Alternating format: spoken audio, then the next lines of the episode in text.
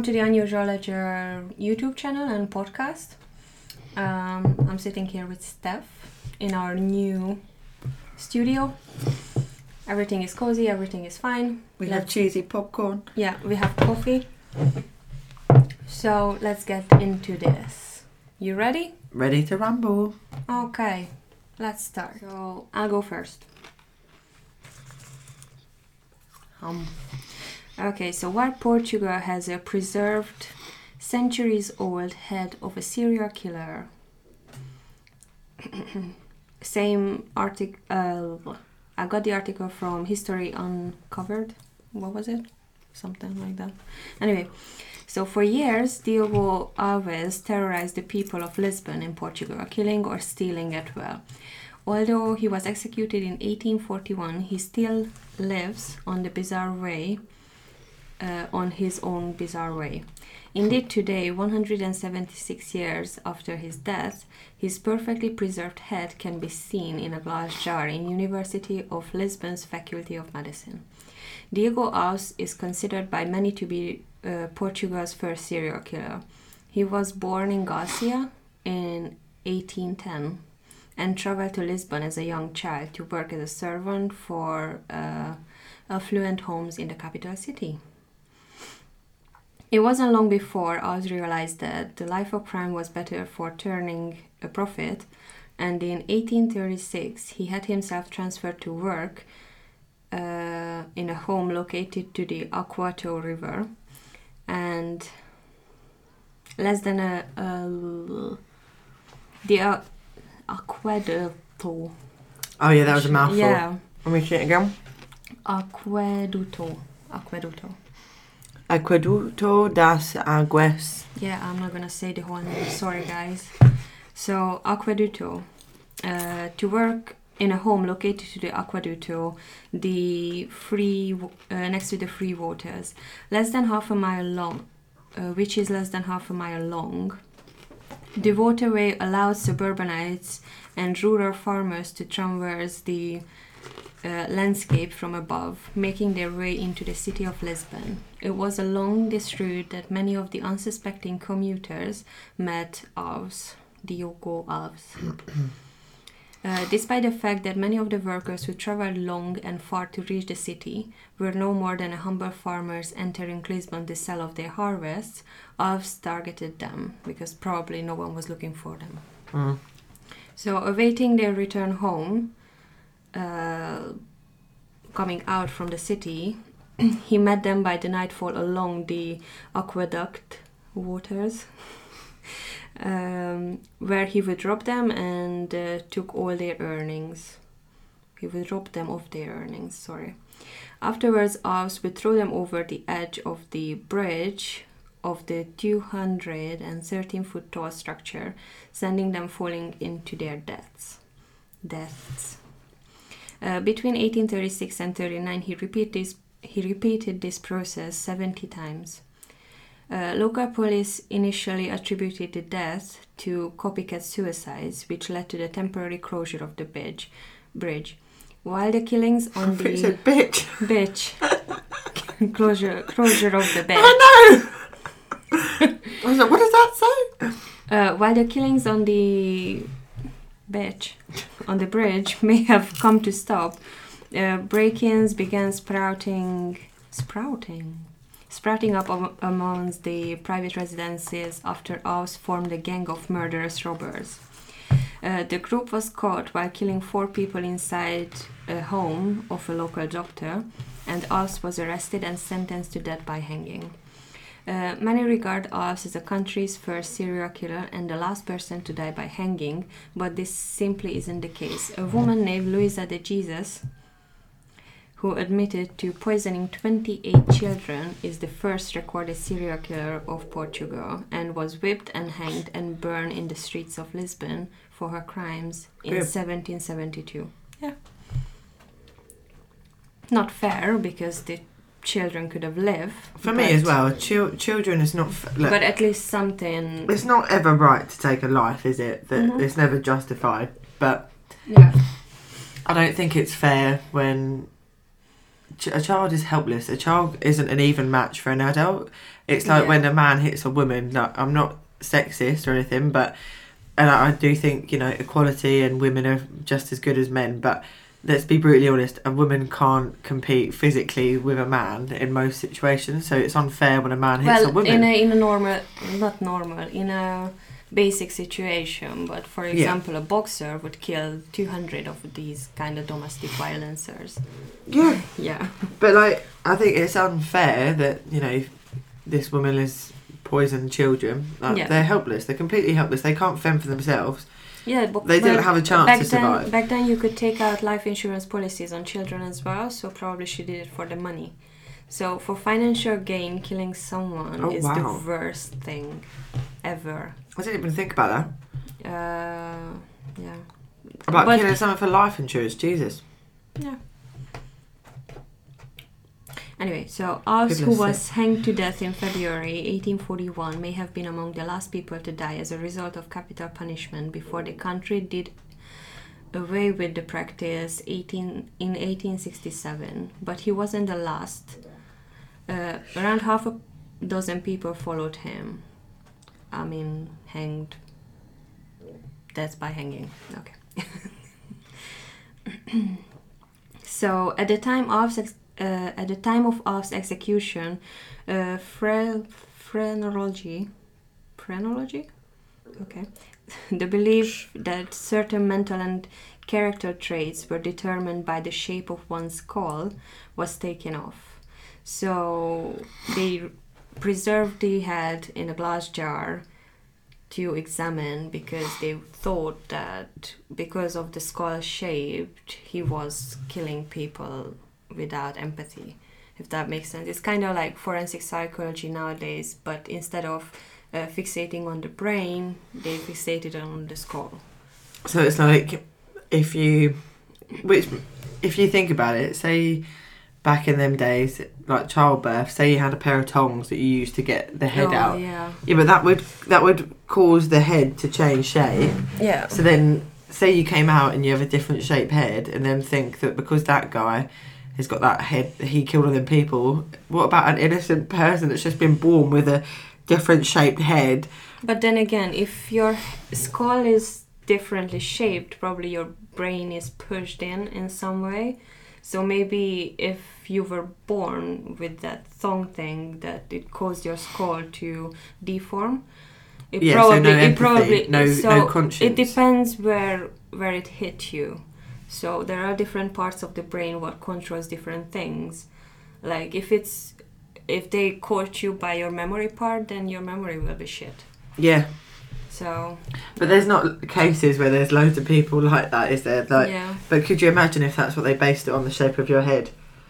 uh, thank God that psychology is kind of picked up nowadays. Because even you know, like Auschwitz and you know, um, Hitler, they used to measure Jews' heads For to mm. see if like their features were good enough. So Oh, like they were, yeah, so like oh, yeah, they did that. I'm glad technology and things have moved forward to the point where we're not just looking at the shape of someone's head to determine whether Yeah. someone's good or bad. There you go. Yeah, it's pretty ugly. You can still see it in Lisbon if you wanna. I think it's pretty grim. Reminds me of Pinky and the Brain. All right, your turn. Okay. Okay, so I'm going to talk about uh, fit to fat to fit, which is really easy to say. Um, so it's a program I've been watching with my sister. Uh, so my sister's on a weight loss journey at the moment, um, and I've been on one as I've spoke about in previous podcasts. Um, the best thing about the program or the show, uh, you can get it on Netflix and you can find it on, on YouTube. But Cintia will put a link up Yeah. that I've sent her There. to. There. um, but basically, it's a, it's a program. Um, it's a series. There's personal trainers that talk about helping hundreds and hundreds of people lose weight, and them having a real need for helping people, and that be where their passion lies. But ultimately, there's some disappointment that they have because there's someone in their life, whether it's a loved one or their partner or whoever, they haven't been able to help them lose weight. So part of the journey, you see this personal trainer try loads of different things with um, their loved one, and it doesn't work. So then, after taking some time to self reflect, um, he realizes that he's part of the problem. He doesn't understand what. Are you um, sure it's on Netflix? I can't find it. Fit to fat to fit. Uh, I googled it and it came up on Netflix, but try YouTube. Oh, okay, that's fine. Don't I. I I, just wanted to cross check. Okay, Oh, okay. So sorry, I, I typed it in on Google and it came up on Netflix. I hadn't actually. maybe checked. in America. Oh, ma- yeah, maybe. Um, so this so this person he he realizes that he one one of the reasons he can't help his loved one lose weight is because he's not in his shoes. He doesn't understand what it's like to be him. So part of the um, the series, he puts on weight over a four month period. He tries to increase his body fat percentage by at least say like twenty percent, um, and he tries to put on weight so that he can literally walk a mile in this other person's shoes. So fit to fat to fit, you have personal trainers and you have their loved ones that have they've never been able to help lose weight, and they they put on weight the personal trainers for four months so that they're the same weight or they're much bigger, and then they can lose weight with their loved one together. So it's a journey that they embark on together. Um, so yeah, it's it's a really really good program. So for me, uh, like I said, I've been on the other side. I, I know what it feels like.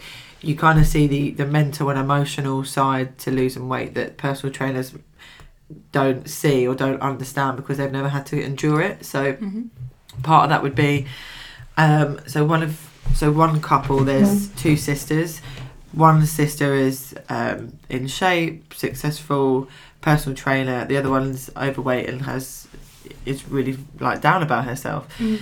so the personal trainer is putting on weight and obviously she to to just put some background to it she's also competed in body weight championships where she's been ripped like so she's really into her fitness after a few months she starts eating burgers and chips and stuff her body actually like repulses it the same way almost in uh, super size me so she she starts to throw up like her body's not used to that bad food like she's used to eating good and exercising and, yeah. yeah, so she's she's getting unwell, so she's thrown up. You then see her alarm go off, and she hits snooze about four or five times.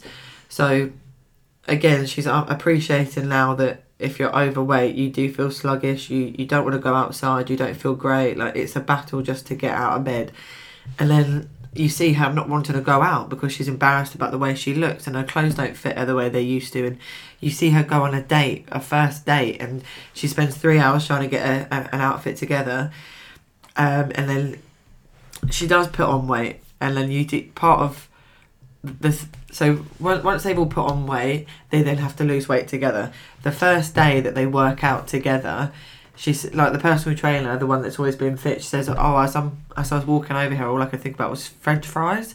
Oh my god. like and then she's running for about five minutes and she's like i can't do anymore i just need to break for a minute. Like and her as a personal trainer has said i don't let anyone have breaks on my on my sessions because the fast foods and all these unhealthy things, they have some addictive things inside them. So you will get more MSG.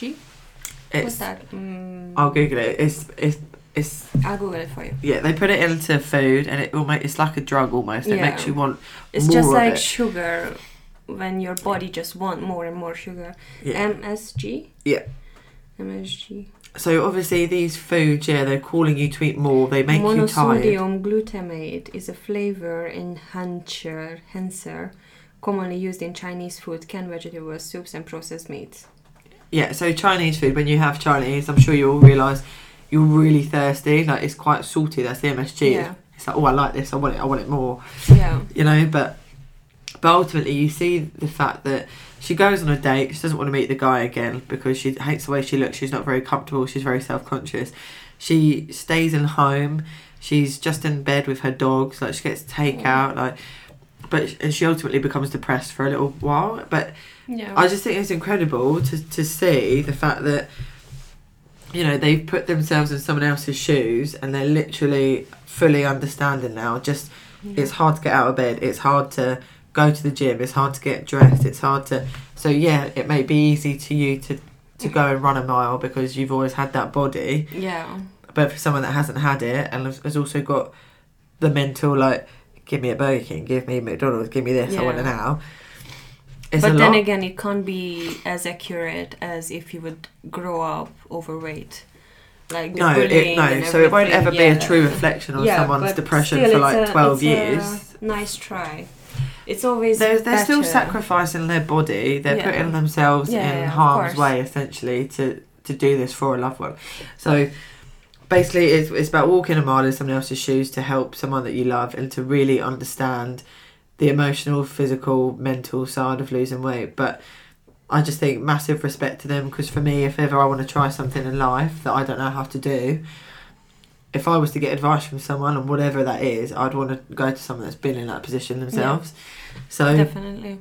you know, they can they can say, look, if you want to go to the gym for seven, you set your alarm for half four, so you've snoozed and snoozed and snoozed, and then by the time you get up, you still haven't missed anything. You're still doing it, you know. But Yeah. but they can go to their like personal Yeah, circumstances and be like, look, I know what it feels like when you did this. Also, they the next time they have a personal trainer session, look, this is me.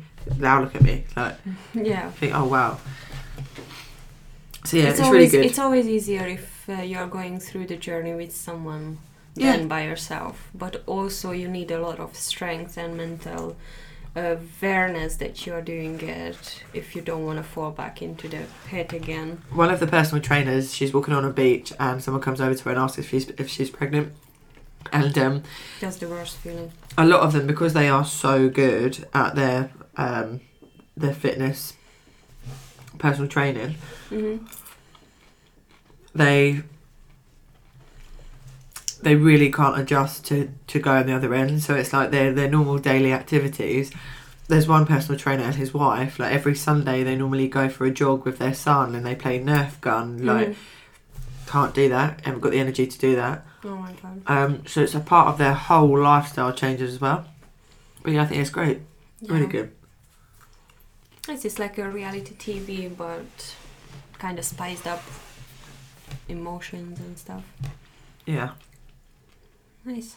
Fit to fat to fit, and I'm just Yeah, I'm just gonna popcorn. put everything on the description box so you can um, see a quick review about it. but well worth a watch. Respect to them for doing it, and yeah, Yeah, definitely. empathising. Cool. Thank you guys for tuning in for us. Um, see you next Thursday. And Hungarian listeners, please listen to the Tuesday episodes as well. And I have special Advent, uh, Christmas kind of preparing episodes as well.